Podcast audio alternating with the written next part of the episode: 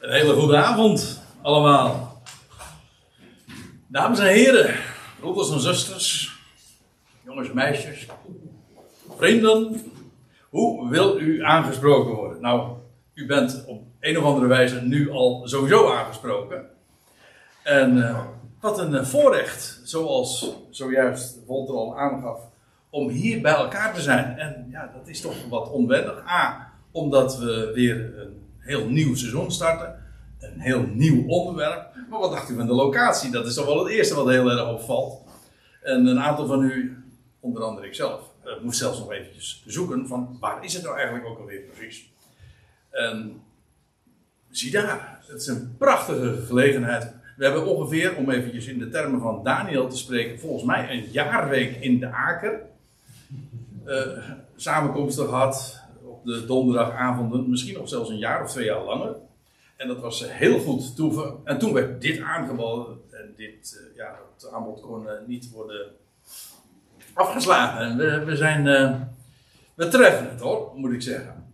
Ook in dat opzicht. En ja, wij, wij gaan vanavond ons voor de eerste keer.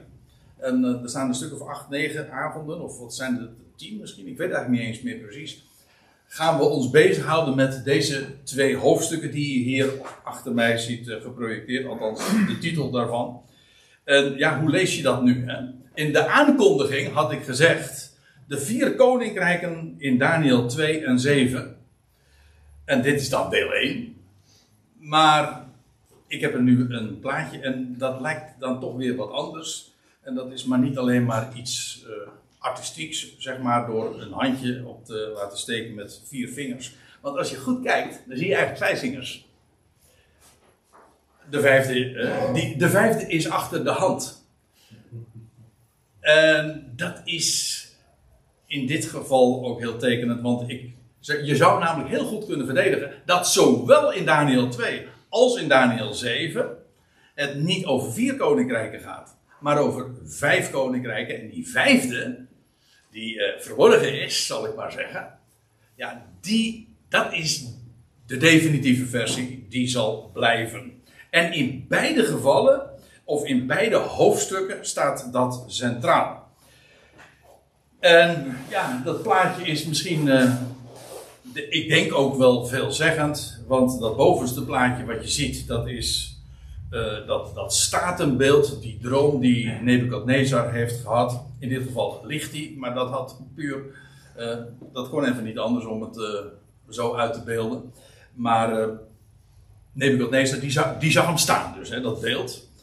En daaronder is dan, dat zijn die vier monsterlijke beesten, dieren. De vier dieren in Daniel 7. En op een of andere wijze correspondeert dat met elkaar. Nou, daar gaan we het nog uitgebreid over hebben. Maar het is buitengewoon boeiend, want wat we gaan krijgen deze avonden, is dat we, uh, dat daar, dat we zicht krijgen uit deze hele oude geschriften van pakweg 25 eeuwen oud. Dat, in die termen spreken we dan. En zicht krijgen op ja, de lijn van de wereldgeschiedenis en hoe wereldkoninkrijken elkaar hebben opgevolgd en hoe ze uiteindelijk plaats moeten gaan maken voor uh, het definitieve koninkrijk dat zal blijven. En ja, in Daniel 2 en 7 laat ik eerst even wat gewoon, behalve wat ik nu zojuist heb gezegd, wat inleidende dingen daarover vertellen. In Daniel 2 en 7 wordt in uh, twee dromen een profetie gegeven. En het woord profetie betekent een voorzegging. Dat wordt ook letterlijk zo uh, aangegeven. Die dingen zullen gaan gebeuren. Zo werd dat ook aan Daniel of, uh, bekendgemaakt. Het zijn twee dromen van, zoals ik hier ook aangeef, van re respectievelijk Nebuchadnezzar in Daniel 2 en van Daniel. En dan ziet hij vier wereldkoninkrijken die zouden opkomen. En zoals gezegd, die uiteindelijk dan plaats moeten maken voor het definitieve. En dat is dat vijfde koninkrijk. En wat in beide profetieën, zowel Daniel 2 als in Daniel 7, erg opvalt, is dat speciaal aandacht wordt gegeven aan dat vierde koninkrijk. Met die tien horens, dat is Daniel 7 dan, of de tien tenen in Daniel 2. En dat zijn dan tien koningen. En ja, we zullen dat eh, in de loop van de avonden echt nog uh, wel veel specifieker gaan zien. Maar hoe enorm actueel dat is, want dat vierde koninkrijk, ja, dat is uh, het laatste wat we voor de, voordat het definitieve koninkrijk van Gods gestalte gaat krijgen, dat koninkrijk zal gaan opkomen. En ja, dat, we leven in spannende tijden. Dat, dat gaat niet al te lang meer duren. Nou, nog even iets bij. Want we hebben het weliswaar in een heel seizoen over die twee hoofdstukken, Daniel 2 en Daniel 7. Maar ik zal je gedacht zijn dat er nog een enorme tijdspanne tussen beide hoofdstukken zit. Dat wil zeggen dat, uh, dat wat hier beschreven wordt. Want Nebukadnezars droom, Daniel 2, en daar zullen we ons de eerste avonden mee gaan bezighouden. Dat grote beeld wat hij dan ziet in die droom, dan is Daniel nog een hele jonge vent. Waarschijnlijk nog niet eens 20. En in de droom die in Daniel 7 beschreven wordt, dat is een droom die Daniel krijgt. Dan, dus die droom dus met die vier dieren. Dan is Daniel inmiddels al een oud man. En dat zullen we vanzelf nog wel uh, specifieker bekijken. Maar als mij vraagt, is die man, is Daniel inmiddels dan al 84 jaar oud. Terwijl hij in Daniel 2 nog geen 20 is. Dus uh, daar zit nog een enorme tijdspanne tussen die beide hoofdstukken. Nou ja, wat, uh, wat kun je erover zeggen? Het was uh, even het idee dat Wolter het hoofdstuk zou gaan voorlezen. Wat we vanavond gaan behandelen. Maar dat is 49 versen. Daniel 2 is een, echt een lang hoofdstuk. Dus dat zou uh, een beetje te veel van het goede worden, denk ik. En dan lees je, uh, moet ik goed zeggen, uh, ja, ik, ga er eigenlijk een beetje van uit dat, je, dat, je die, dat jullie die geschiedenis, die droom die daar beschreven wordt, wel kennen. Het is een, uh, ook een dankbaar onderwerp, zelfs voor uh, op de zonderschool, zou ik maar zeggen. Maar ook als je daar niet vertrouwd mee bent, dan is dit heel goed, denk ik, uh, te volgen. Wat we, want we gaan gewoon vers voor vers door het hoofdstuk heen. En dat is de, de geschiedenis die, die ja, met de nodige aantekeningen, die laat zich heel gemakkelijk verstaan. Dus uh, dat lijkt mij de snelste, uh, snelste en ook de beste wijze. Trouwens, uh, ik kan het wel erg aanbevelen dat bij een volgende gelegenheid dat jullie nog eens even, als jullie thuis zijn, dat, dat je deze hoofdstukken heel goed leest van wat wordt daar nou eigenlijk gezegd. En dan beide hoofdstukken te lezen. Dan kom je wat beter beslagen ten ijs, zeg maar, wanneer je hier dan komt. Dan kun je me ook wat kritischer volgen, want doe dat vooral ook. Hè. Want uh, neem niks zomaar voor zoete koek aan. Ik vertel de dingen, ik geef door wat ik, uh, wat ik zelf heb ontdekt en wat ik lees. En, en, uh, het is aan jullie om het te checken. En als ware bereers, zoals dat bijbels gezien heet, te, na te gaan of het inderdaad zo is. Oké, we gaan naar Daniel 2. Vers 1 de meest logische manier om dit hele onderwerp bij de kop te pakken. Gewoon beginnen bij het begin. En ik lees voor uit de NBG-vertaling. Ik, ik kies expres maar voor deze manier van doen. En ik noem het uh, NBG. Het is namelijk, wat bedoel ik daarmee? Wel, het is, wat ik raadpleeg is Daniel, uh, Daniel 2 uit de NBG-vertaling, de NBG 51-vertaling. Maar ik moet er, eh, wat is die plus dan? Nou, ik, geef, ik maak zo af en toe wel eens even een correctie. En dan, maar geef ik, dan geef ik dat wel keurig aan door het even cursief weer te geven, de tekst. Zoals in dit geval in vers 1 zie je het laatste woord dromen, zie je eh, cursief. En dat wijkt dan af van de MBG-versie. En dat is dan een, eh, een verbetering of een correctie. Of, ook dat zal vanzelf wel aan de orde komen. Goed, nou. En dan begint Daniel te zeggen met dit. In het tweede jaar nu van de regering van Nebukadnezar had Nebukadnezar dromen. Ja, nou, eerst die tijdsbepaling even. Want in de eerste plaats moet ik erbij zeggen, Nebukadnezar, dat was die man, dat was de eerste koning van het Babylonische Rijk. Een geweldig wereldrijk, dat zal vanzelf nog wel aan de orde komen. En hij is het hoofd daarvan. Van uh, het wereldrijk in die dagen. En in het tweede jaar van, de, van zijn regering had Nebuchadnezzar een droom. Moet ik er wel ik bij zeggen dat uh, ik, zou dat een, ik zou er een lang verhaal van kunnen maken, maar ik kies uh, eventjes de afgesneden route. Want dit is gerekend vanaf het moment dat Daniel in Babel is. Dat wil zeggen, ja, zo, zeggen, zo, zo, zo, kunnen wij dat ook zeggen. Bijvoorbeeld uh, als wij Nederlanders zeggen van uh, dat, uh, ik noem maar wat, hè, dat 1941 het tweede jaar van Hitlers regering was. Strikt genomen klopt dat niet, want Hitler begon al veel eerder met, met zijn regering of met zijn rijk.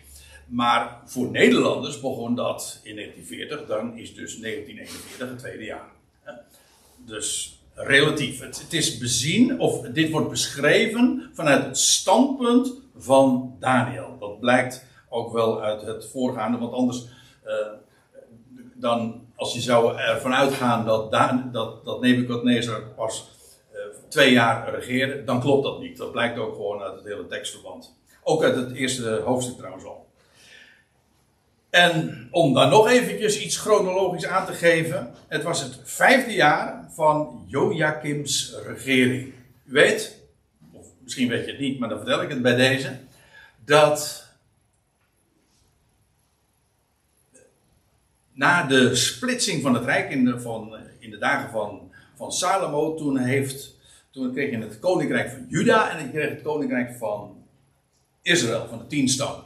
En die twee stammen die hebben een twintigtal koningen gekend. En uiteindelijk heeft, is, uh, is het eh, rijk van Juda ten onder gegaan. En dat was dus in de dagen van Nebukadnezar. En toen is Jeruzalem trouwens ook helemaal verwoest. En toen is het, volk, het Joodse volk gedeporteerd in zijn geheel naar, naar Babel. Maar daaraan vooraf zijn al een aantal eerdere deportaties.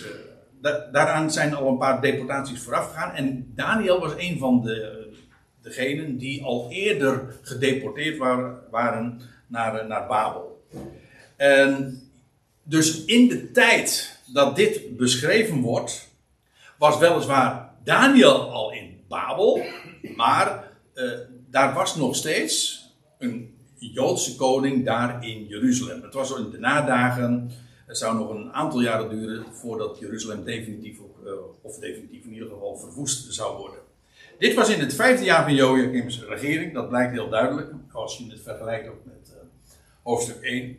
En weet u, als je dat dan uh, vergelijkt. Dat vijfde jaar van koning Joachim. Het is lastig om ze allemaal in elkaar te houden hoor.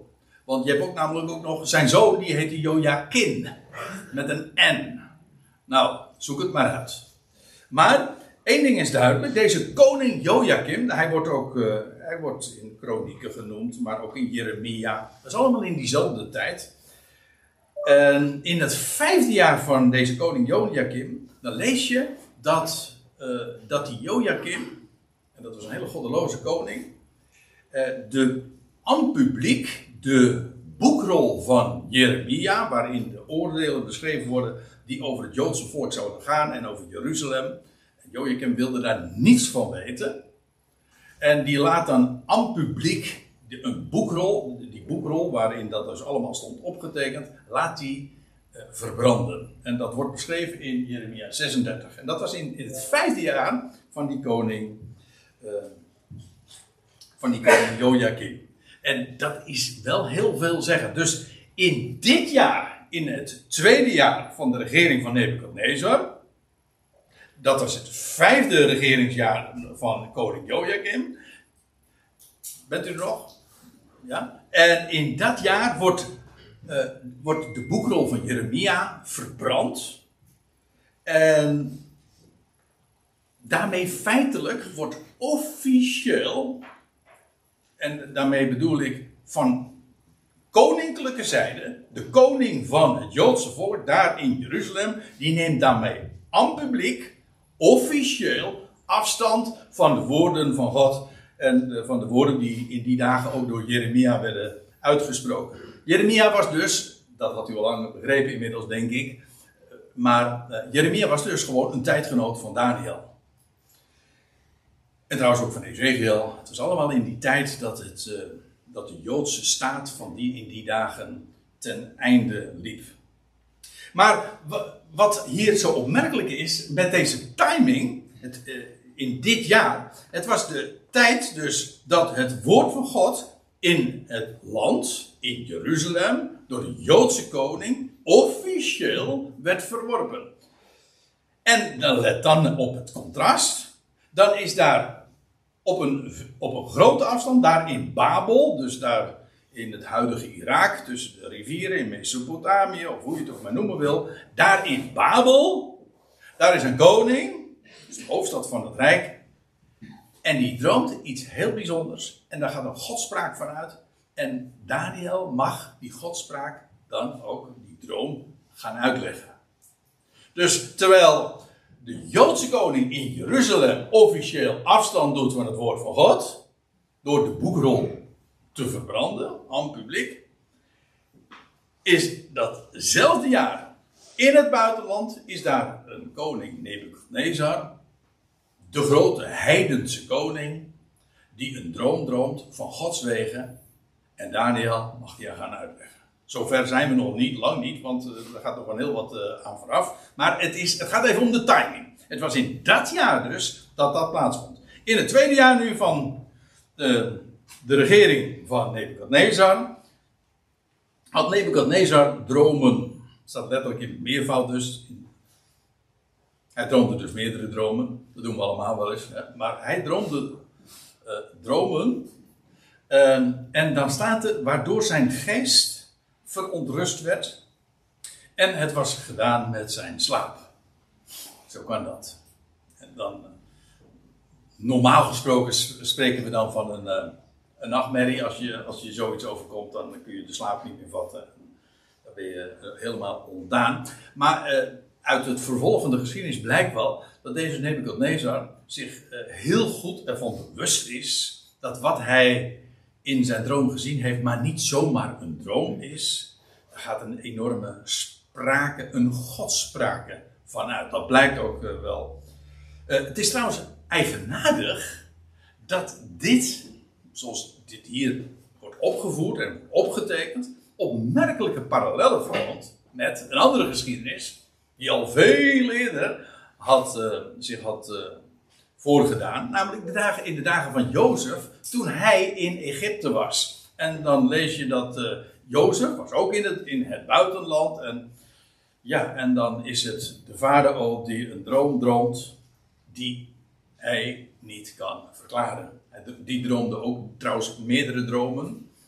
Inderdaad.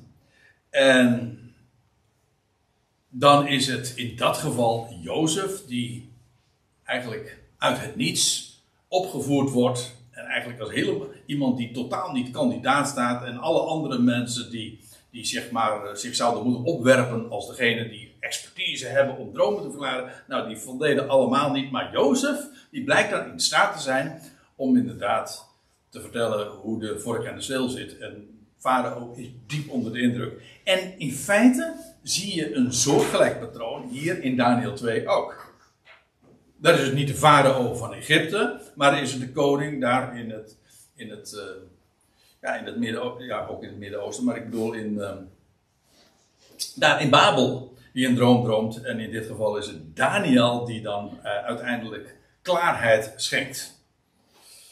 En uh, nog een opmerkelijke parallel. In beide gevallen, in de geschiedenis van Jozef, maar ook in de geschiedenis van Daniel, krijgen ze juist doordat zij inderdaad de droom, de raadselachtige droom, kunnen verklaren, ook een hoge positie. Jozef wordt onderkoning. En Daniel, die krijgt ook de hoogste positie onder Nebukadnezar. Dus dat zijn van die opmerkelijke parallellen. in ieder geval, Nebukadnezars slaap, daar was het mee gedaan en zijn geest was verontrust. En dan lees je vers 2. Toen gebood de koning dat men de geleerden, de magiërs, de tovenaars en de Galdeën zou roepen. Uh, dat zijn allemaal verschillende categorieën van mensen die in ieder geval kennelijk worden geacht worden om, om, ja, om licht te werpen op wat, uh, wat Nebuchadnezzar die nacht heeft meegemaakt en gezien en gedroomd. En ja, het zijn verschillende onderscheidingen. Het waren geleerden, intellectuelen, academici, mensen die ervoor gestudeerd hadden, magiërs, een eigenaardige term, of in ieder geval een bekende term ook, want in het Grieks staat hier ook inderdaad magiërs. Eh, dat was er in de, in de Septuagint, in de Griekse vertaling dan weer van de Hebreeuwse Bijbel. En dat woord kennen we, omdat het is ook het woord dat, we, dat die mannen kregen die ooit uh, op de ster afgingen. En, die en ze hadden een ster gezien in het oosten. En dat bracht hen uiteindelijk in het Joodse land. Omdat ze wisten dat, uh, dat de koning der Joden was geboren. En dat hadden ze afgeleid uit de, de, de taal van de sterren. En wellicht wisten ze ook van, uh, van de Bijbelse profetieën, et. En hier, probeer er eventjes uh, een voorstelling van te vormen. Die magiërs die komen dus allemaal uit dat, dat, dat rijk daar tussen de rivieren, tussen de Mesopotamië. Mesopotamië betekent trouwens ook tussen de rivieren, de Eufraat en de Tigris daar in Irak. Die magiërs die kwamen daar vandaan. Die ma en als je je dan even probeert voor te stellen dat, dat Daniel daar ook bij betrokken is geweest en zijn vrienden die hebben ook kennis natuurlijk overgeleverd. En als eeuwen later, pakweg vijf, zes eeuwen later, de beloofde Messias wordt geboren, Matthäus, ja, dan worden die magiërs op een idee gebracht en die, die gaan inderdaad richting het Joodse land en die gaan op zoek. Zij, en hoe wisten zij van die dingen? Wel, aan de, ene kant vanwege de sprake die eruit gaat van, van de sterrenhemel een heleboel mensen zeggen van ja, dat is cool, dat mag helemaal niet. Nou, ik denk dat die sterrenhemel heel veel te vertellen heeft. Ga, ga maar na. Die sterrenhemel die verspreekt. Die, uh, die zijn gemaakt. Die sterrenhemel, de sterren, de sterrenbeelden, die zijn gemaakt door onze God zelf. Dat is dezelfde als degene die ons ook de schriften heeft gegeven. Dat wil zeggen, het, is, het zijn twee boeken, maar het is één schrijver, één auteur, één God die ons de, die ons sprake geeft in de natuur, in, aan, aan, de, aan de hemel, in de sterrenbeelden, uh, whatever. Maar ook, hij spreekt ook verbaal en, en hij heeft dat allemaal laten optekenen in, ja, in die zevende boeken in de Bijbel. Dus magiërs, uh, die term. En dan wordt er ook nog gesproken over uh, tovenaars, dat zijn wellicht astrologen, speciale magiërs dan weer. En ze worden, er worden ook nog genoemd de Galdeën. Weet je wel, Galdeën, dat zijn eigenlijk Babyloniërs. Die komen uit de, die streek van Babel. En vaak is het in de Bijbel, of meestal is het in de Bijbel een aanduiding, Galdeën, gewoon van uh, de streek daar, Galdea, het gebied van, van, van Babel. Uh, zo kennen wij bijvoorbeeld Ur der Galdeën. Daar kwam ooit Abraham vandaan. Ur maar in, in het gebied van de Galdeën. Dus breder dan alleen Babel. Maar in ieder geval, daar kwam die vandaan. En dan is Galdeën gewoon een aanduiding van, van de Babyloniërs in de brede zin van het woord. Maar hier kan dat niet het geval zijn.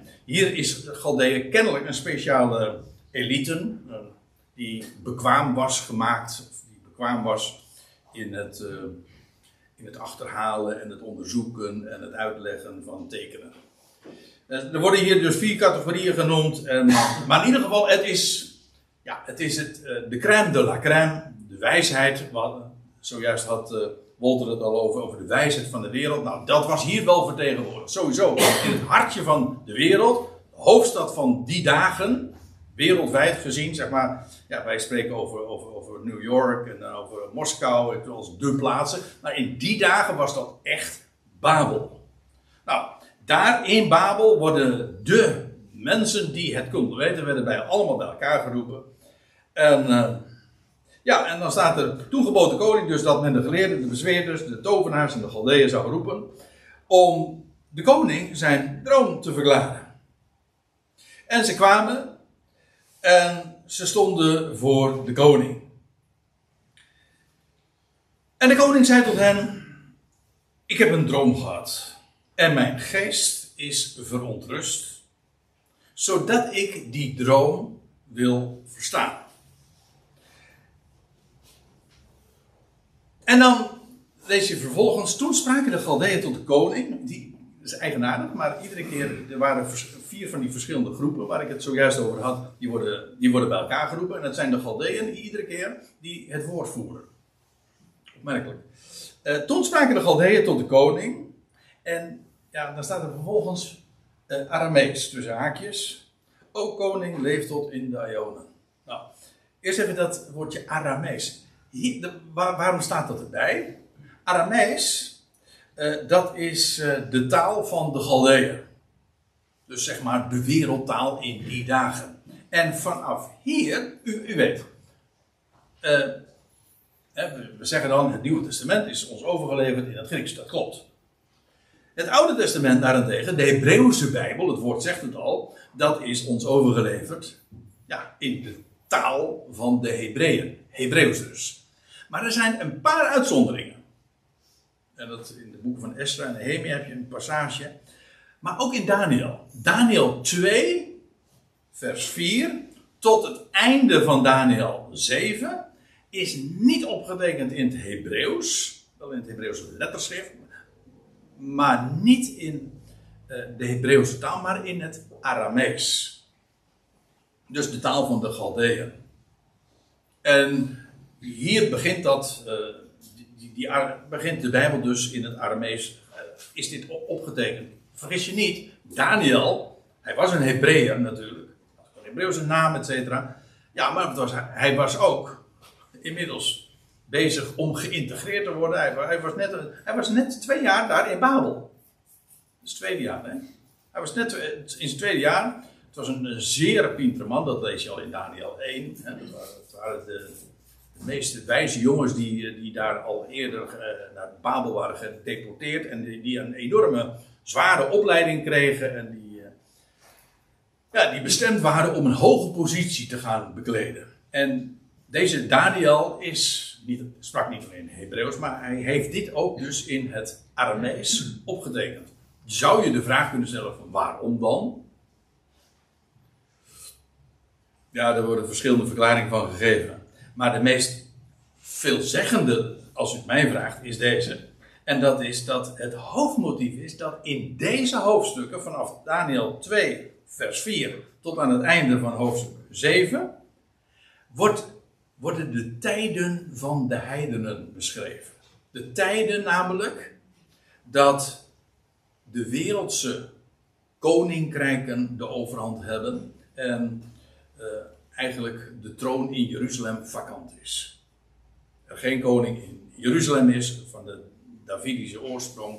Nee, het, dat zijn de tijden van de heidenen. En vandaar ook in een heidense taal wordt, wordt die, worden die passages, die hoofdstukken opgetekend. En eigenaardig, dat houdt dan weer op. Dus in, aan het einde van hoofdstuk 7, in Daniel 7, vers 27. En wat lees je dan? Dan komt de heerschappij weer terug bij het heilige volk. Zo staat het er ook beschreven. En dan houdt het Aramese deel op en dan wordt het weer Hebreeuws. Dus uh, daar zit een, een hele logische gedachte achter. En ik zeg niet dat dit alles volstaat en dat er niet nog meer redenen zijn. Dat is allemaal tot je dienst. Maar deze lijkt mij het meest veelzeggend. Of in ieder geval het, het, mooiste ook om te onthouden. Het is dus niet alleen maar van, nou ja, dat is, dat, dat is in het uh, Aramees geschreven. Maar ja, laten we wel wezen, wat maakt het ons uit? Wij spreken, u spreekt geen Hebreeuws en ook geen Aramees. Dus ja, in welke taal dat in het origineel is opgetekend, wat je zou kunnen zeggen van dat maakt mij geen bal uit. Nee, uh, maar vergis je niet, dit is, dit is, we hebben het nu over de schriften. Het is niet voor niks natuurlijk dat dat in een in een bepaalde taal is opgetekend. En de, dat de Hebreeuwse Bijbel de Hebreeuwse Bijbel heet. En dat er toch een paar uitzonderlijke passages zijn. En zoals in dit geval dan in het, in het Galdeus of in, in het Aramees is dat uh, opgetekend. Dat heeft een reden. En uh, ik, ik hou ervan om eraan te denken dat dat dus niet alleen maar gewoon historisch waar is, gewoon letterlijk, ja, het ene is Hebreeuws, het andere is Aramees, ja, maar het heeft ook een betekenis. Het is ook illustratief voor dat wat in die hoofdstukken beschreven wordt. En dat is een hele logische gedachte. En dan staat er nog bij: Toen spraken de Galdeën tot de koning. O koning, leef tot de Ionen. U ziet trouwens, dit is weer cursief. Dus dan weet je, haha, dat staat niet in de NBG-vertaling. En dat klopt. In de NBG-vertaling wordt nooit over de Ionen gesproken. En dat is uh, een hele kwalijke zaak. En dus als er iets gecorrigeerd moet worden, dan moet dat in ieder geval. Um, dit is ook uh, de, het woord aion, dat heeft te maken met wereldtijdperk. En dat is trouwens weer een Grieks woord. Maar laten we het niet ingewikkeld maken. Uh, zo staat het ook in de Septuagint. Leef tot in de Ionen. Eigenlijk is dat ook wel heel, heel ironisch. Wat bedoel ik daarmee? Nou, deze, deze Galdeën, die de droom van, van Nebuchadnezzar moeten uitleggen, die zeggen dan, in het Aramees tegen hem, O koning, leef tot in de Ionen. Maar wat, wat is nou de clue van dit hele hoofdstuk? Is dat de koning, Nebuchadnezzar, niet tot in de Ionen zal regeren. Uh, integendeel, de heerschappij tot in de Ionen, dat is voor een heel ander volk weggelegd. En de koning der en de koning der koningen, zal ik u vertellen, dan, de definitieve, dat is niet Nebuchadnezzar. Ja.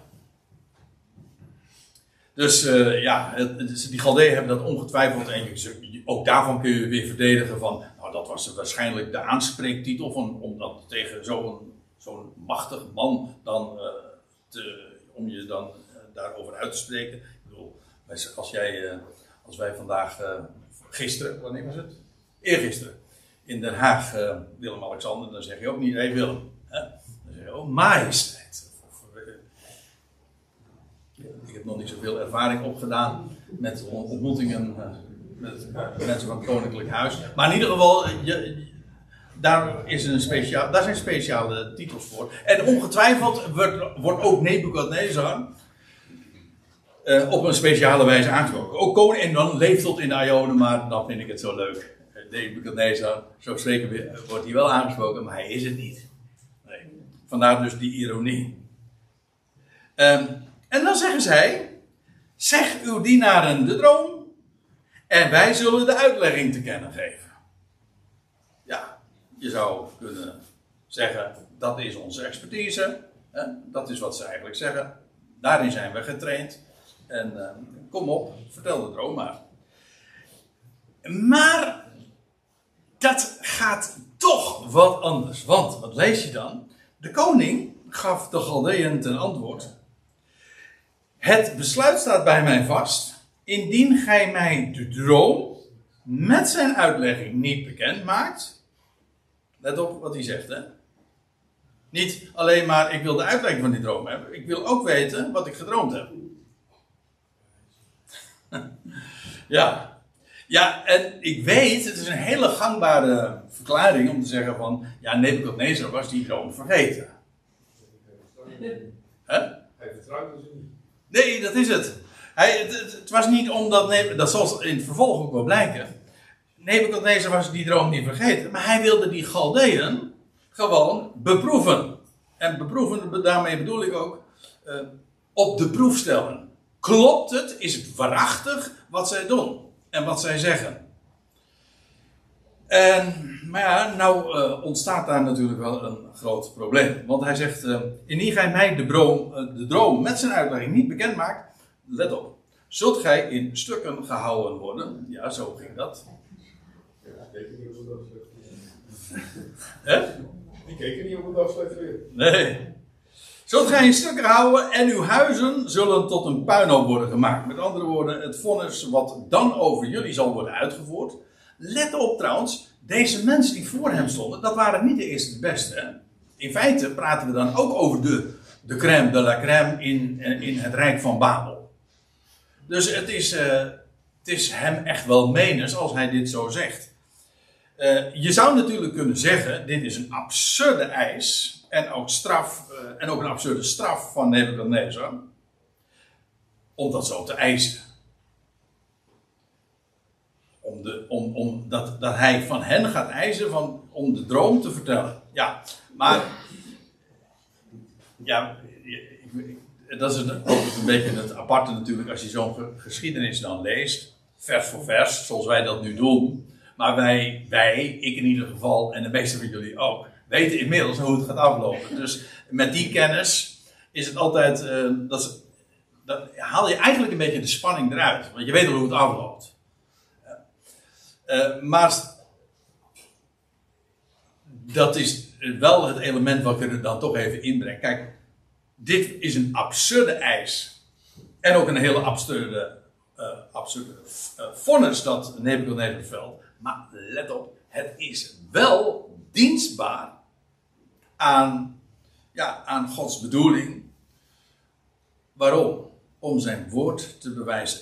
Dit, het loutere feit dat Nebuchadnezzar zo'n zware eis stelt, eigenlijk in menselijke termen, dat trouwens in de termen of in de beleving van die gasten die, die voor hem stonden, in ieder geval absurd.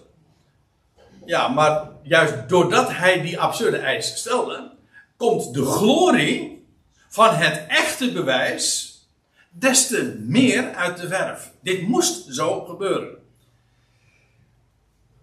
En hij zegt, uh, het is trouwens niet alleen negatief, maar ook positief, want hij, zegt, uh, hij stelt dat tegenover. Maar indien gij de droom met zijn uitlegging te kennen geeft, kunt, of te kennen kunt geven, dan zult ge de geschenken, zult gij geschenken en gaven en grote eer van mij ontvangen. Dus ja, dat ook een, een, een keerzijde. Uh, dus aan de ene kant een enorme beloning voor als zij daartoe bij machten zouden zijn. En aan de andere kant een enorme vernedering, op zijn zachtst gezegd, wanneer ze daar niet toe in staat zouden zijn. En dan zegt hij: Geef mij dus de droom met zijn uitlegging kennen. En ze gaven opnieuw ten antwoord. De koning zeggen zijn dienaren de droom. En dan zullen wij de uitlegging te kennen geven. Ze gaan er dus duidelijk niet mee akkoord. Ze spreken er niet tegen, maar ze herhalen eigenlijk gewoon een vraag die ze al eerder stelden. En de koning gaf ten antwoord: Ik begrijp heel goed dat gij tijd zoekt te winnen, omdat gij ziet dat het besluit bij mij vaststaat. Het was de eis die hij stelde, dat was maar niet zomaar een, een bevlieging, nee, het was, het was, uh, het was hem. En hij zocht. Uh, kijk, het, het, verhaal is natuurlijk. Nebukadnezar, die wil gewoon niet zomaar iets op de mouw gespeld krijgen. Hij wil gewoon hun. Kijk, stel je voor, hij had, uh, hij had de droom verteld. Wat hij gedroomd. En dan had hij vervolgens hen de gelegenheid gegeven om een interpretatie daarvan te geven. Maar ja, interpretatie en interpretatie, hè, dat, die, kun je, die kun je verzinnen. Hoe weet je nu of dat waar is? En daarom had die Nebuchadnezzar gewoon een eis gesteld van... jullie moeten niet alleen maar een, een interpretatie, een verklaring, een uitleg daarvan geven. Nee, ik eis ook dat jullie mijzelf vertellen wat die droom is. Als het werkelijk waar is dat, dat jullie een speciaal kanaal met de goddelijke wereld hebben of zoiets. Ik weet niet hoe ik het zeggen moet, hoe, hoe, zij, daar, hoe zij dat beleefden. Maar in ieder geval, als, zij dat in als hun claim waar was, hadden ze dat ook moeten kunnen vertellen. En dat is eigenlijk ook de gedachte die Nebuchadnezzar hier aan hen voorlegt. En hij zegt van ja, jullie proberen hier nu onderuit te komen, jullie zoeken tijd te winnen. En uh, ja, omdat gij ziet dat het besluit bij mij vaststaat, dat een vonnis u treft, indien gij mij de droom niet kunt bekendmaken. En gij hebt afgesproken mij iets leugenachtigs en slechts, en slechts te zeggen, eh, Totdat de toestand zich wijzigt. Het idee is kennelijk, wat hij hier naar voren brengt, dat eh, de wijzen wellicht eh, nu hebben gedacht van, nou, die, die koning heeft een hele slechte nacht gehad. Hij is helemaal ontdaan, hij is een beetje van het padje. Dus hij is gewoon met het verkeerde been uit bed gestapt. En als wij nou inderdaad een beetje tijd rekken en we, morgen komen we er nog eens een keertje op terug, dan, dan bindt hij wel in. De, situatie is dan gewijzigd, dan is hij in een betere stemming, een betere humeur. En dan wellicht dat hij eh, dan weer wat bij. Dus zij waren gebaat, dat is, die, dat is wat, eh, wat tegen ze hen zegt: van ja, jullie willen gewoon tijd winnen, eh, zodat ik misschien weer van mening ga veranderen. Maar dat gaat dus niet gebeuren.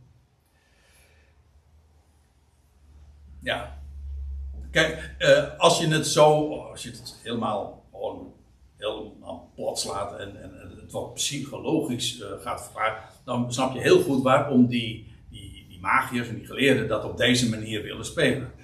Maar goed, Nebuchadnezzar is eh, zeer, zeer vastbesloten. En dan zegt hij dus, eh, zeg mij dus de droom, opdat ik weet dat gij mij de uitlegging ervan kunt te kennen geven.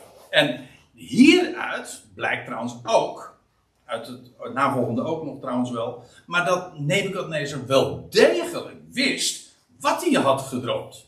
Want dit was de manier om te checken of het waar was eh, wat zij zeiden. Een interpretatie, daarvan kun je altijd nog zeggen van ja, die, daar kun je soms allerlei kanten mee op. Hè? Dat, dat is de ellende met de interpretaties. Ze zeggen ja, je kunt het zo uitleggen, maar je kunt het misschien ook zo uitleggen. Maar in dit geval, als die vraag van wat heb ik gedroomd, als Nebuchadnezzar dat wist, zelf zich herinnerde, het is eigenlijk logisch als die man nou zo verschrikkelijk onder de indruk is geweest van wat hij gedroomd heeft.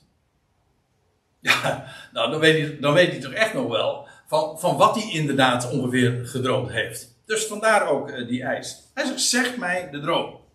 En dan kon hij het wel checken of het klopte wat zij zeiden. Of hun interpretatie dan ook juist was. Zeg mij dus de droom, opdat ik weet dat gij mij de uitlegging ervan kunt geven.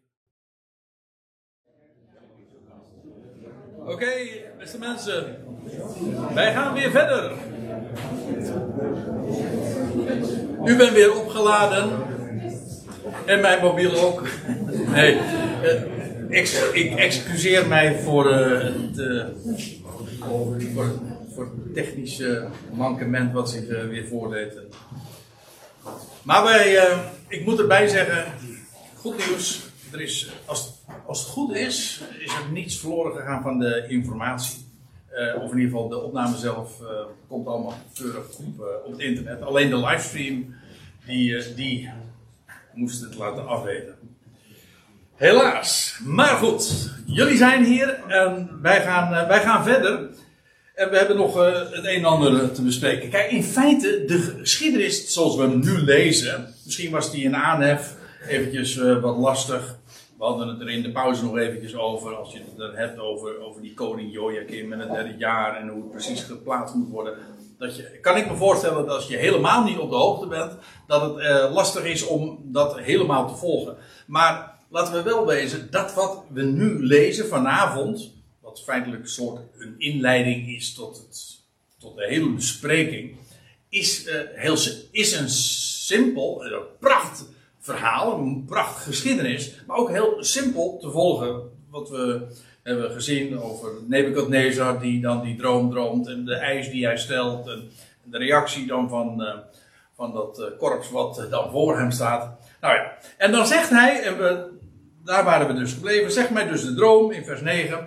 Dat zegt hij dan tegen die, eh, tegen die eh, geleerden die allemaal voor hem staan, die Galdeën die het woord voeren. Zeg mij de droom op dat ik weet dat gij mij eh, de uitlegging ervan kunt te kennen geven. En de Galdeën, dus hier weer, die, dat zijn de woordvoerders, die gaven de koning ten antwoord. Er is geen mens op de aardbodem die het door de koning gevraagde zal kunnen te kennen geven. En laten we wel wezen, ze sloegen nog de spijker ook. Dat is ook zo. Eh, daarom heeft dan ook geen koning, hoe groot en machtig ook, iets dergelijks van enige geleerde of bezweerder of galdeer gevraagd. Dit was tricky om te zeggen tegen zo'n hooggeplaatst iemand, want dit is eh, verholen kritiek. Maar het is de vaststelling zelf, daar valt weinig aan eh, af te dingen. En dan zeggen zij, dat is min of meer de conclusie dan, wat de koning vraagt, dat is te zwaar. Er is niemand anders die het de koning zal kunnen te kennen geven dan de goden. Die echter niet bij de stervelingen wonen. Het is trouwens wel boeiend, want in het Hebreeuws staat hier goden en in het Hebreeuws staat dan dus Elohim. En dat is ook, het, het woord voor God is ook Elohim, is feitelijk ook een meervoudsvorm. In dit geval gaat het inderdaad, die Galdeeën hebben het over hun goden, over de goden in het algemeen. En in het Hebreeuws is dat, eh, je zou dus ook dit kunnen verklaren, vertalen met de God. Alleen zo bedoelde zij het dan weer niet. En wat zij hiermee zeggen is, ja, nou ja, wat ik al aangaf. Er is niemand die zoiets aan die eis die u stelt, o koning, zal kunnen voldoen. Want ja, uh, dat kan slechts God. Ja, en dan zeggen zij dan, maar dat is dus niet iemand die onder de stervelingen zijn verblijf houdt. Want een sterveling kan, geen sterveling kan dit. Dat is zoals wij het ook in Nederlands keurig kunnen zeggen. Geen sterveling is hiertoe in staat. En dat is ook zo. En je voelt hem eigenlijk al aankomen. En Daniel die dit heeft opgetekend, die, ja, die bouwt het, zo, uh, bouwt het zodanig op uh, naar, naar de uitkomst. We gaan verder. Vers 12. De koning werd hierover ten zeerste vergramd en toornig. En hij beval al de wijzen van Babel ter dood te brengen. Dat had hij al gezegd. En hier blijkt ook inderdaad dat het hem ernst is. En wat hij zich realiseert nu. waarom, want waarom is nou de koning zo ontzettend boos? Omdat hij zich ervan bewust is nu. Terwijl zij hem proberen wijs te maken van nou, de, droom die kunnen we vertellen, maar de, de uitleg, dat, daar willen we wel moeite voor doen. Ja, maar hij realiseert zich dus dat heel die bende daar gewoon leugenachtig is. Je, ze claimen wel een soort middelaar te zijn tussen God en mensen en boodschappen van uit die wereld aan de mensen te bekend te maken. Maar dan zouden ze dit ook kunnen doen. Maar daartoe zijn ze niet in staat. En Nebuchadnezzar, hoe absurd naar de mens gesproken zijn eis, en ook trouwens het vonnis wat hij velt, ook is. Nebuchadnezzar realiseert zich, dit is gewoon menselijk gedoe. Dit is, jullie zijn gewoon charlatans. Jullie vertellen dat wel, maar het is gewoon. En hij wordt boos. Eigenlijk ook vanwege de claim die ze wel voeren. Dus vandaar uh, zijn, uh, zijn enorme boosheid. Hij beval dus al de wijzen van Babel ter dood te brengen. En toen het bevel werd uitgevaardigd dat de wijzen gedood zouden worden, en moet je je voorstellen, dat is toch wel heel vernederend geweest. Ja, niet alleen pijnlijk en heftig om te horen, maar ook heel vernederend. Moet je je voorstellen, de wijzen, tussen aanhalingstekens, worden dus om hun onkunde omgebracht. Hoezo wijs? Ja, eh, je zou het ook op een andere manier uh, die vernedering, zeg maar, kunnen aanvliegen. En dat is, ze, deze mensen worden geacht de problemen van anderen op te lossen. En nou kunnen ze niet eens zichzelf redden. Dus uh, ook dat is ja, ironie, maar meer nog dan dat. Het is zo vernederend voor deze mensen. Wel, toen het bevel werd uitgevaardigd dat de wijzen gedood zouden worden, liepen ook Daniel en diens metgezellen gevaar gedood te worden. Die hoorden weliswaar nog niet bij deze groep, maar de dreiging was er wel dat ook zij hierin eh, betrokken zouden worden. Ook zij werden gezocht. Kijk, je leest in hoofdstuk 1 dat Daniel en zijn vrienden waren gebracht uit. Ja, die kwamen uit het Joodse land.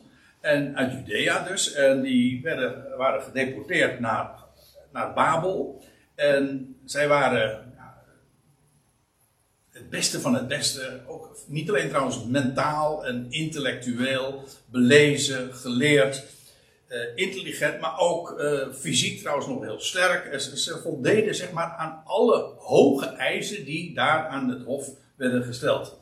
En, en dan lees je ook dat deze Joodse mannen een, een driejarige opleiding krijgen. In hoofdstuk 1, vers 5 lees je dat.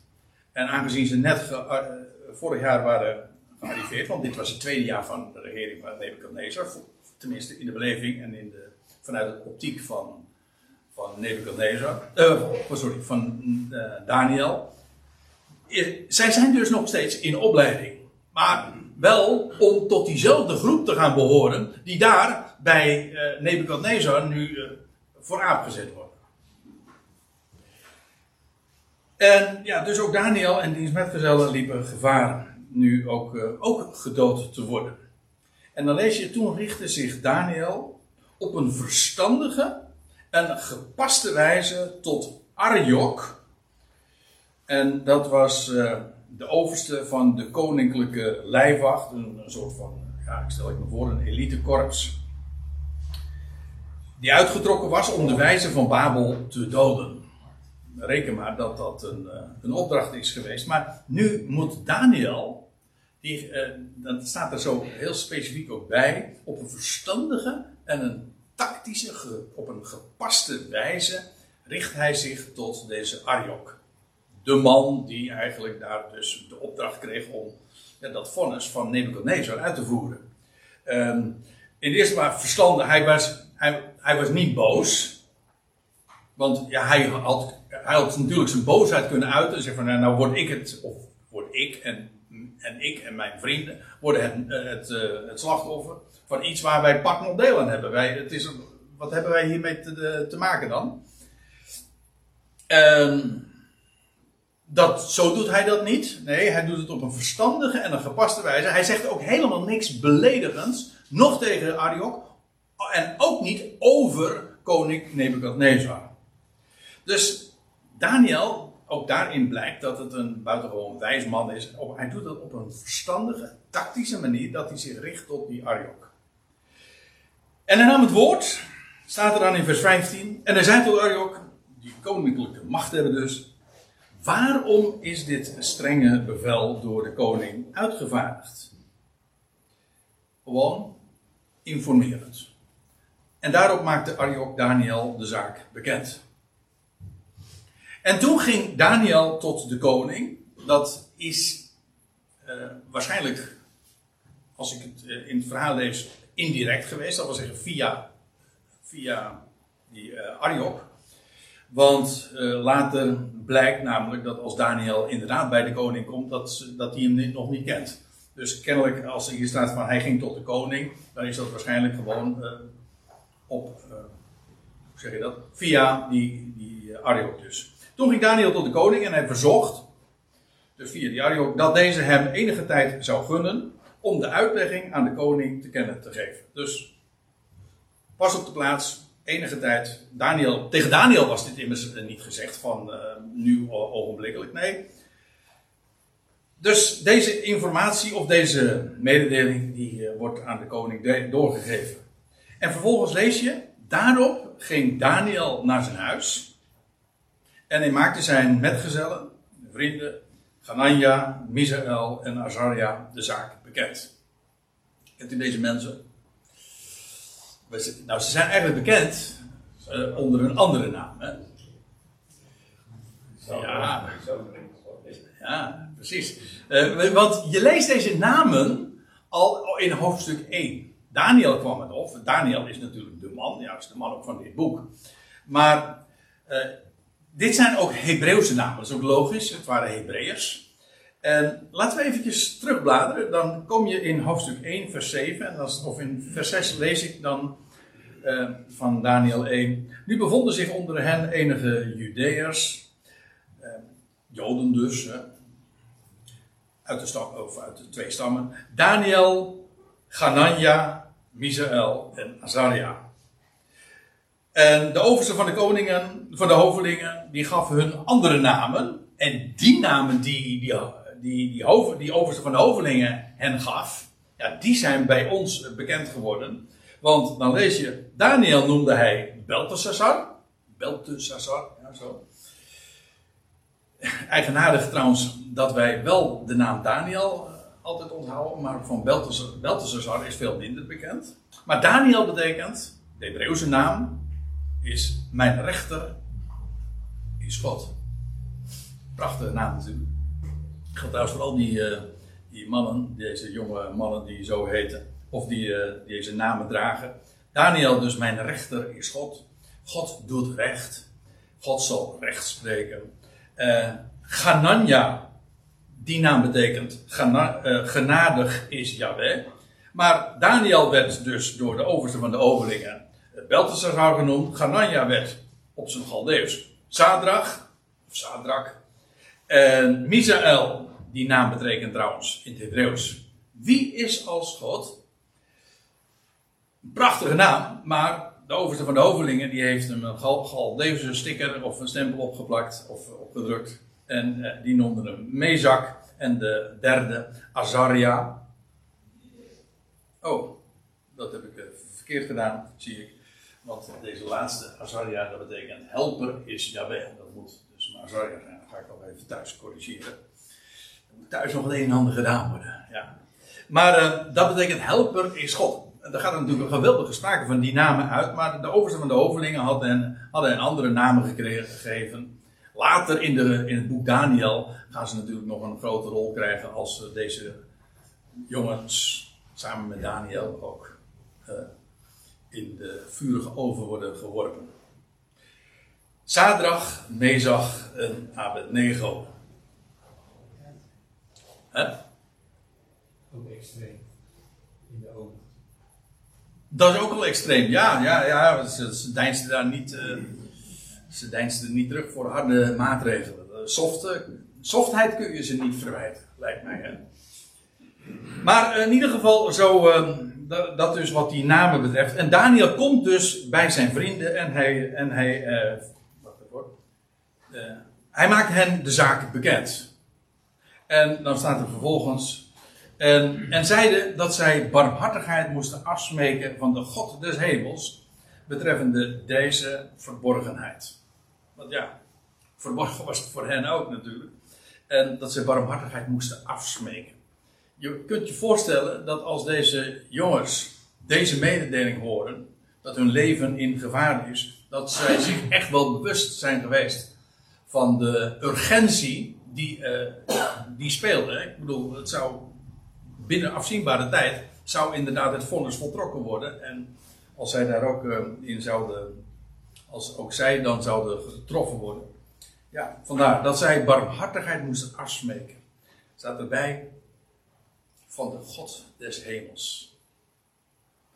Deze uitdrukking, daar moet je toch echt even bij stilstaan. Doen we nu ook. Waarom? Omdat de uitdrukking de God des hemels notabene vier keer voorkomt. In, alleen al in dit hoofdstuk. We vinden hem veel vaker nog in de Bijbel. De God des hemels. Als je dus uh, als je de term heel letterlijk neemt, ja, dan betekent dat het is de God ja, die daar in de hemel is, of de God van de hemel. Maar hoezo die uitdrukking? Wel, het heeft alles te maken met de tijd waarin de troon van God in Jeruzalem vakant is, leeg staat.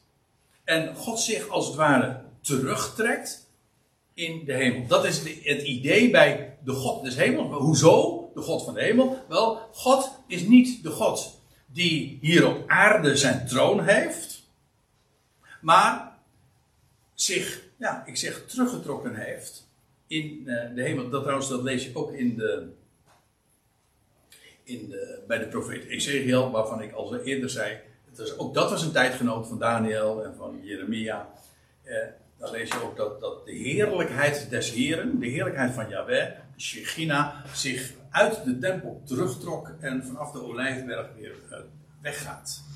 Heel eigenaardig. Maar in ieder geval, de troon is leeg. En vandaar dus de God van de hemel. En de, die is heel karakteristiek. We, gaan, ik, ik zal er nog wel vaker op terugkomen. Maar die tijden dat God de God van de hemel is, die hebben, worden ook nog een andere wijze benoemd. En wel als de tijden der heidenen, of zo u wilt, de tijden van de natieën. En die uitdrukking is ontleend aan, nou ik heb hem hier erbij staan, uh, Lucas 21.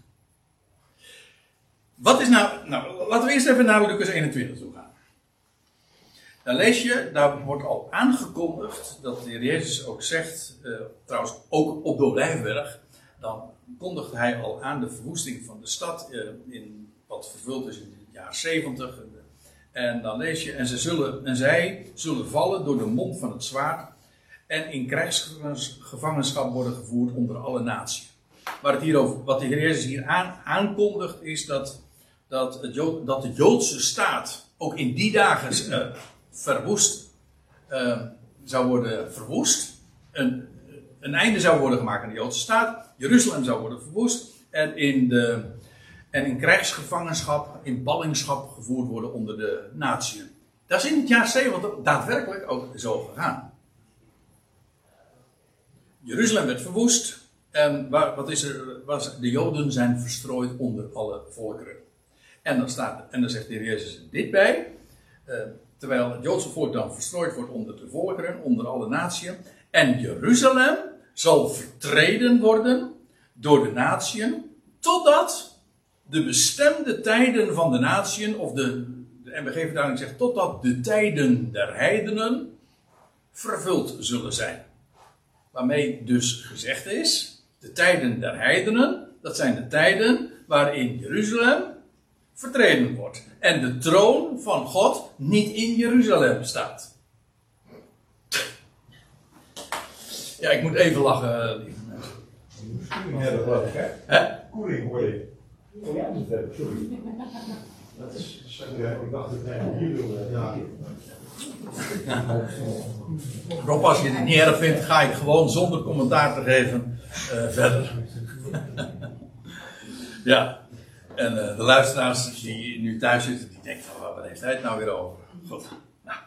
Oké, uh, de tijden der heidenen, let op.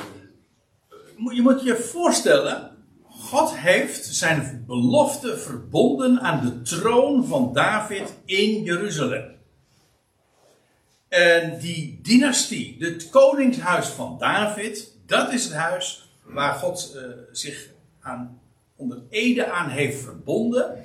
En via die stad en via die troon daar in Jeruzalem zal het koninkrijk straks ook worden gevestigd. Ooit was daar een troon in Jeruzalem hè, en regeerde daar een Davidische koningen. En sinds de dagen Sinds de dagen van uh, de verwoesting van Jeruzalem, sinds de dagen van Daniel, zijn die tijden der heidenen ook begonnen. En Jeruzalem is vertreden en nooit heeft er meer een koning op, op, de, op de troon van David gezeten. Tot op de dag van vandaag, al 2500 jaar is daar, zijn daar die tijden van de heidenen. Dat zijn die tijden waar ook dat gouden, of dat beeld, waar het in deze profetie over gaat, over spreken. De tijden der heidenen, de tijd dus, let op, houd, dit moet je even goed vasthouden. Dat zijn de tijden dat er geen troon in Jeruzalem is, waarop een koning uit het huis van David regeert. Dat was ooit zo. Dat zal straks, binnenkort, mag ik zeggen, alsnog vervuld gaan worden. En via die troon zal de wereld eh, inderdaad geregeerd gaan worden. In die tussentijd, dat dat niet het geval is, dat Jeruzalem vertreden wordt door de volkeren en wat er ook mee plaatsvindt, zelfs in de huidige dagen, ik weet dat er mensen zijn, eh, genoeg mensen zijn, die denken dat de tijden der heiden nu al vervuld zijn, omdat Jeruzalem weer een, een Joodse hoofdstad is. Jawel. Maar nog steeds, trouwens, die, uh, die tempel staat nog steeds onder de auspiciën van, de, van Jordanië en uh, de moslims en zo nog steeds zijn het de tijden der heiden. Er is geen Davidische koning. En de heilige plaats wordt nog steeds onteerd. Daar gaat een einde aan komen. Op het moment dat dat verdwijnt, of dat, op, op het moment dat die, die, de koning in Jeruzalem weer zal gaan regeren, op het moment dat de heilige plaats weer werkelijk een heilige plaats zal worden, ja, dan zijn de tijden der heidenen voorbij. Dan zal God ook weer de God van de aarde worden. En de God zijn, zijn plaats innemen aan publiek in deze wereld. Nu is hij verborgen. We gaan het daar nog een hele avond speciaal over hebben. Over, die, over, deze, over dit fenomeen. En de enorme. Uh, hoe zeg je dat? De transitie die heeft plaatsgevonden in de dagen van Daniel, Ezekiel en Jeremia. Dat toen God zich heeft teruggetrokken en dat het licht in deze wereld ook uitging. Dus daar is nog een heleboel over te vertellen. Daar, gaan we, daar komen we nog een keertje op terug.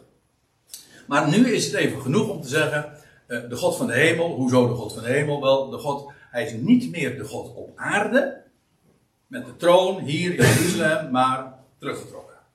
En dat zijn de tijden waarin de heidenen het voor het zeggen hebben en ook Jeruzalem vertreden.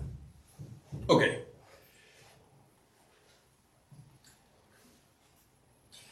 Oké, wat Daniel dus, eh, even weer terug naar Daniel 2 vers 18. Wat Daniel dus tegen zijn vrienden zegt is uh, dat ze barmhartigheid zouden afsmeken van de God des hemels uh, over deze verborgenheid. Opdat men, uh, waar, hoezo dan? Wel, het moet duidelijk zijn, opdat men Daniel en zijn vrienden, zijn metgezellen, niet zou te dood brengen. Met de overige wijze van Babel. Dat is dus eigenlijk wat Daniel tegen hen zegt. Dit is aan de hand. En wat kunnen we anders doen dan ons richten tot de God die, uh, die dit dan. Uh, die dit maar uh, in handen moet nemen. Wie, ja, als je, als je het. Als je notabene de Nebukadnezar. die zich. De, de koning der koning in die dagen. Zich tegen je keert. Ja, waar moet, waar moet je je dan nog toe wenden als je. Als je, als je werkelijk in dat zit? Nou, Daniel weet het. En zijn vrienden ook. En dan staat, en dan komt, lees je ook, dat eh, God daadwerkelijk ook in actie komt, als ik, eh, als ik het zo mag zeggen.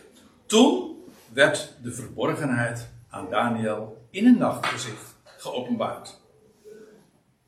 De verborgenheid. Weet je wat er hier in, de, ja, eh, in, de, in de Griekse vertaling van, het, van de Septuagint dus, wat hier vermeld wordt, staat er het woordje mysterion. Dat is ook het woord wat in ons Nieuwe Testament heel dikwijls eh, voorkomt en dan ook inderdaad vertaald wordt met de verborgenheid. Niet zozeer mysterieus in de zin van uh, het is niet te begrijpen, maar gewoon iets wat verborgen wordt gehouden. Dat is wat anders dan het onbegrijpelijk is. Oké. Toen werd de verborgenheid, hoezo verborgen? Wat Daniel had gedroomd, dat was verborgen. A, wat hij had gedroomd. En B, wat de betekenis ervan zou zijn. Dat was allemaal verborgen. En dan lees je, ja, hoe zou je dat kunnen weten? Anders dan alleen maar doordat God het je bekend maakt. Toen werd de verborgenheid aan Daniel in een nachtgezicht, ook in een nachtgezicht dus, geopenbaard. En dan staat er, daarop loofde Daniel de, de God des hemels. De tweede keer dat die uitdrukking gebezigd wordt. En later in het hoofdstuk nog een tweetal, een tweetal keren. Daarop da loofde Daniel God de, de, God van de hemel. Kunt je voorstellen dat wat er speelde, de dreiging, wat Nebuchadnezzar zou gaan doen met al die wijzen, maar ook met Daniel en zijn vrienden. Wel, die nu, Daniel wist nu, dit is het. Het is geopenbaard. En daarop loofde Daniel, de God des hemels. En Daniel hief aan en zei: Geprezen zij de naam van God. Vanaf de Aion tot de Aion. U ziet, dit is weer cursief. Want uh, hoe, hoe, zegt de MBG-verdaling dit? Ja, weer van eeuwigheid tot eeuwigheid, maar dat staat er niet. Vanaf, vanaf de Aion, van deze Aion, tot de Aion die gaat komen. Dat wereldtijdperk Hoezo? Wel, want hem behoort de wijsheid en de kracht. Die man, die moet zo diep onder de indruk geweest zijn van wat hem nu in een nachtgezicht was duidelijk gemaakt. Ja, want trouwens, dat geldt in het algemeen. In, in een aion, in een wereldtijdperk, waar wij ook nu ons in bevinden, die in het duister tast en die eigenlijk helemaal niet weet van, ja, waar gaat het eigenlijk over? Als je dan licht krijgt over hoe de vork aan de steel zit en wat God te melden heeft, ja, dan ben je echt uh, gelukkig te prijzen. En zoals Nebukadnezar wist dat wat hij gezien had, dat daar een godsprake van uitging, zo wist Daniel nu ook, A, ik weet nu wat hij gedroomd heeft, maar ik weet ook de betekenis ervan. Hij wist dat. Waarom? Wel omdat het hem geopenbaard was. Ja, dat is, ook de een, dat is de basis van echte kennis. Eerst nog even dit. Er staat toch uh, zo looft Daniel zijn God. Hij zegt, hij toch, hè, met de nadruk op hij toch, verandert tijden en stonden. Hij zet koningen af en hij stelt koningen aan. Hm?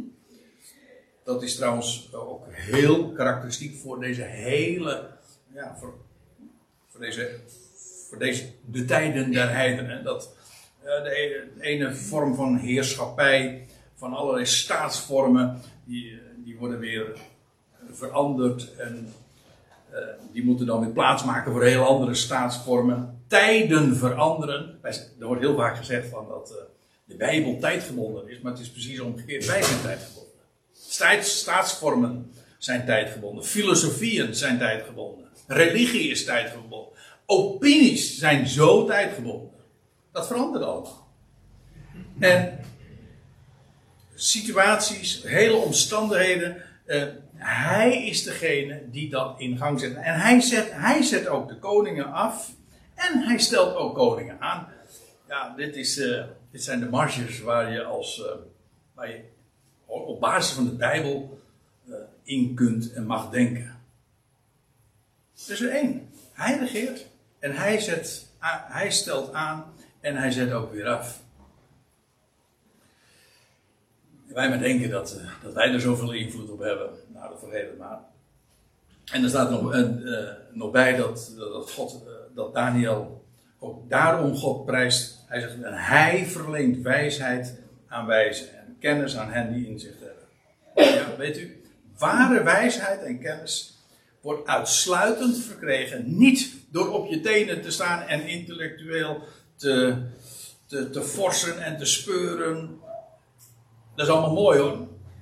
Maar echte wijsheid en zicht op de toekomst krijg je niet door te forsen en te speuren. Er is er maar één die weet wat er gaat gebeuren. Die, en dit is ook, en dit is echt ook dit zal ook uh, de rode draad worden door deze hele serie. God voorzegt.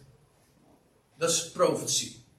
En dat is zo uniek. De Bijbel voorspelt niet, de Bijbel voorzegt. Zo zal het gaan. En dat is wat geen mens in staat is te doen. Niet over de dag van morgen zelfs. Laat staan over tien of over honderd jaar. Maar God voorzegt. En in de schriften is profetie ook het bewijs dat God van zijn woord geeft. Hij voorzegt en hij vervult het ook. En de hele Bijbel staat vol van dat soort voorbeelden. Daniel 2 zie je dat ook. In Daniel 2 wordt voorzegd hoe het zou gaan. In Daniel 7 trouwens ook. Hoe het zou gaan. In verband met de koninkrijken die elkaar dan opvolgen. Ja, en zo is het ook gegaan. En als voor een groot gedeelte is het inmiddels vervuld, of ja, chronologisch gezien in ieder geval. En, en dat is tevens de garantie dat als God inderdaad zijn woord vervult, dat hij de rest op zijn tijd ook zal gaan vervullen. En soms doet hij dat zelfs ook op, op de, niet alleen maar op de wijze waarop hij dat zou doen, zoals hij het voorzegd heeft, maar ook wanneer hij dat zou doen.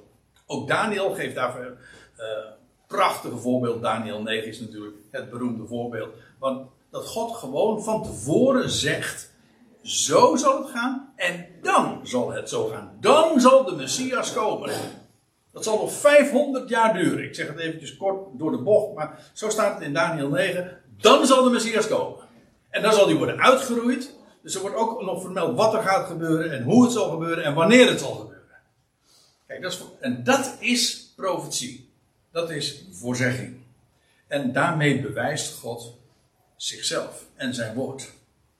En ik ben daar. Uh, ik heb een boek in de kast staan. Dat heb ik destijds uh, heel wat keren gelezen. Een boek van, wellicht kennen een aantal van jullie dat ook wel, van Geen geloof zonder bewijs. Van P. de Bruin. En die laat dat dan ook in zijn boek zo zien. Hoe, hoe God inderdaad zijn woord bewijst. God legt zijn eigen woord zelf uit, maar hij bewijst ook dat het waar is. Wij hoeven de Bijbel niet te bewijzen, de Bijbel bewijst zichzelf. Dat is de kracht, de power van het woord. We zullen dat nou, in de loop van de avonden ook uh, zien, maar hier zie je dat ook weer. Dat Daniel dat op voorhand ook zegt. Hij zegt, hij verleent wijsheid aan wijzen en kennis aan hen die inzicht hebben. Laten we wel wezen, dit wisten die, die, uh, zijn vrienden zelfs nog niet eens. Laat staan Nebuchadnezzar, maar Daniel wist het al, zo zit het. En dit zou hij gaan bekendmaken. Hij openbaart ondoorgrondelijke en verborgen dingen. Hij weet wat in het duister is. Ja, wat dus voor de mensen duister is. En het licht woont bij hem. In de Concordant Version lees je hier, dat is trouwens heel mooi. Lichtstraal, en er staat dat wat hier onderstreept is. Er staat, hij weet wat in het duister is. En lichtstralen met hem uh, ontknopen. Dus het klinkt wat vreemd, maar het idee is deze: dat als God zijn licht laat schijnen, dan worden ja, knopen doorgehaakt, maar er worden ook knopen, on, onontwarbare knopen, losgemaakt. Dat is het woord wat hier eigenlijk staat. En um, de, in de MBG-vertaling staat van, uh, wordt het weergegeven met dat het licht woont bij hem, maar dat staat eigenlijk letterlijk. Dus uh, het woordje losmaken, ontknopen. En ik vind het geweldig. Dat is, dat is wat Gods woord doet. Gods woord. Ontrafelt. On, dat is het woord. Dat is nog mooier. Ja, ontrafelt. En de knopen waar, die onontwarbaar zijn, ja, maar die, die maakt hij los. Dat is het licht van zijn woord. En ja, dat kan slechts door openbaring. Dat is niet omdat je. Uh, dat is niet omdat, uh, als je dat, deze dingen mag weten, dan ben jij niet zoveel uh, intelligenter of intellectueler of belezener of slimmer of whatever dan anderen. Nee, God heeft het je laten zien en zijn woord maakt het duidelijk. En dus weet je dingen. Vermoed je niet. Dat is ook niet gebaseerd op gevoel. Je weet, zo is het, want God heeft het zelf gezegd. Hij weet wat in het duister is. En lichtstralen met hem, die ontrafelen, die ontknopen. U, o God, mijn vaderen, loof en roem ik. Eigenaardig, hij, Daniel vraagt nu niks meer. Hè? Hij looft alleen maar zijn God. Hij is zo diep onder de indruk van wat hij hem nu is bekendgemaakt. En wat hij, waar hij straks mee naar de koning kan gaan. Ja, waarom? Omdat gij mij wijsheid en kracht verleend hebt. En mij thans hebt bekendgemaakt. Wat wij van u gesmeekt hebben. Daar gij ons immers de zaak van de koning hebt bekendgemaakt. Dat wist hij. Alleen die anderen wisten het nog niet. Derhalve ging Daniel, vers 24, naar Ariok, aan wie de koning had opgedragen de wijze van Babel ter dood te brengen. Ja, met een hele triomfantelijke boodschap natuurlijk. En hij ging en hij sprak al dus tot hem. En dan zegt uh, Daniel tegen die Ariok: Breng de wijze van Babel niet ter dood. Leid mij tot de koning en ik zal de koning de uitlegging te kennen geven. Inclusief de en toen bracht Ariok Daniel ontsteld tot de koning. Ja, ook hier heb ik het weer eventjes cursief uh, gemaakt, want dat woord wat hier, uh, in de wat hier staat in het Hebreeuws, daar wordt uh, in de MBG vertaald met toen bracht Ariok Daniel in der haast tot de koning. Nou, dat zal ongetwijfeld waar zijn geweest, want reken maar dat hij dat die, dat hij daar vaart achter gezet heeft. Maar het is niet het woord wat gebruikt wordt. Er staat in, in de Concordant Version staat ook geagiteerd. Het idee is, de, dat Hebreeuwse woord wat hier gebruikt wordt, wordt elders vertaald met ontsteld of verontrust. Dus die, die die is helemaal van ja, geprikkeld, die is helemaal van zijn stuk. En gaat met die boodschap nu naar de koning toe. Toen bracht Ariok Daniel uh, nee, hij, ging niet, hij bracht niet de boodschap bij Daniel, maar hij, toen bracht Ariok Daniel ontsteld tot de koning en zeide al dus tot hem: Ik heb een man gevonden. uh, ja, die man, die, die die dacht aan zijn carrière natuurlijk. Hè? Want uh, op deze manier dacht hij van, nou, hier kan ik natuurlijk ook nog wel eventjes een graantje van meepikken. Als ik kan zeggen van, joh, ik heb hem gevonden. Nou, hij had hem helemaal niet gevonden.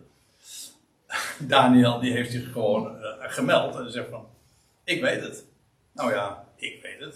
Ik kan het je wel in ieder geval vertellen. Ja. Ik heb, en dan zegt die Ariok dus tegen de koning: Ik heb een man gevonden onder de ballingen van Juda, die juist vorig jaar hier uh, naartoe gedeporteerd zijn, die de koning de uitlegging kan bekendmaken. En de koning dan richtte het woord tot, uh, tot Daniel, wiens naam Beltesazar was.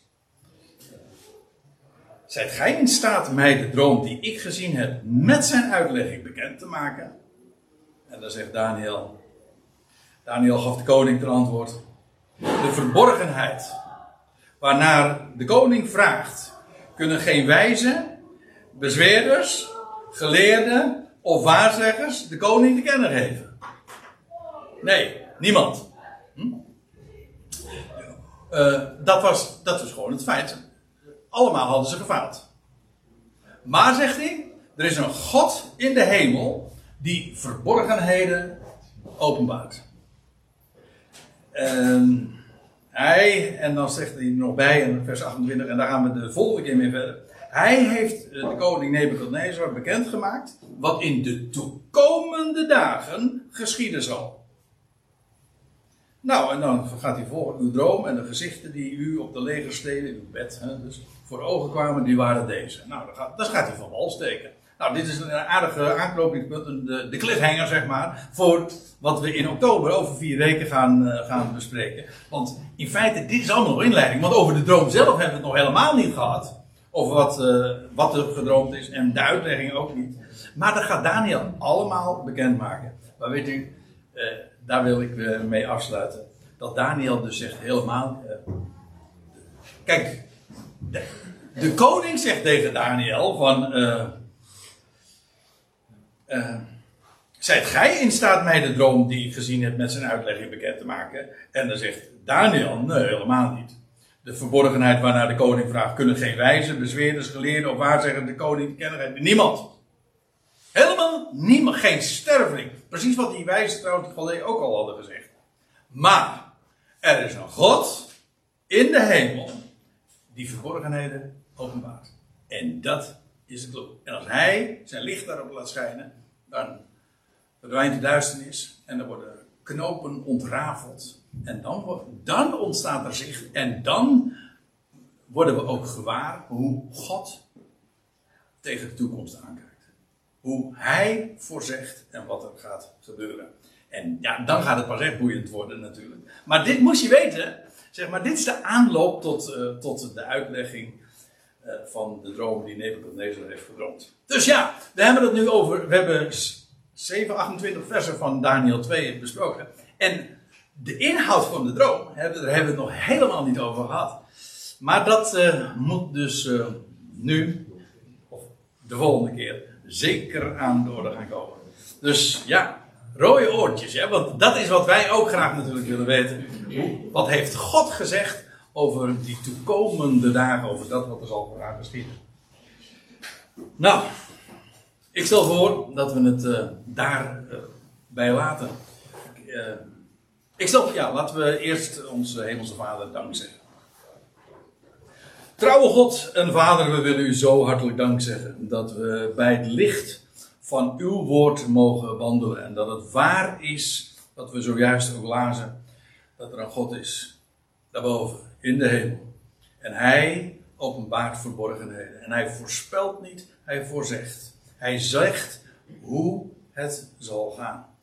We danken u, Vader, dat we daarop kunnen blindvaren. Dat is een kompas. Dat is werkelijk de rots waarop we kunnen staan en bouwen. Wat is geweldig om in een wereld die inderdaad in de knoop zit en in de duisternis leeft en niet weet hoe het zal gaan, dat wij mogen leven bij het licht, in een, bij het licht van het profetisch woord. Heer, we zijn zeer, zeer bevoorrecht dat we daar kennis van mogen hebben. Dat u ons ook bij dat licht laat wandelen. En we danken u, Vader, dat we door dat woord altijd op mogen zien naar boven. Dat we met een opgeheven hoofd in het leven mogen staan, want er is een God. Er is één God. Er is één die alles beschikt, plaatst, voorzegt en naar zijn woord alles volvoert. We danken u, Vader, dat we daarbij mogen wandelen. En we dragen elkaar in dat besef ook bij u op. En geef maar dat het licht van uw woord rijkelijk in ons hart, in ons leven schijnt. Zodat we ook aan andere mensen mogen vertellen van wie die God is. En wat zijn plannen zijn. En dat is onvoorstelbaar, ultiem. Zo, in dat besef dragen we elkaar ook bij op. In de naam van Hem, die de redder is van deze wereld en die ooit het graf eens voor altijd leeg achterliet. Christus Jezus, onze Heer. Amen.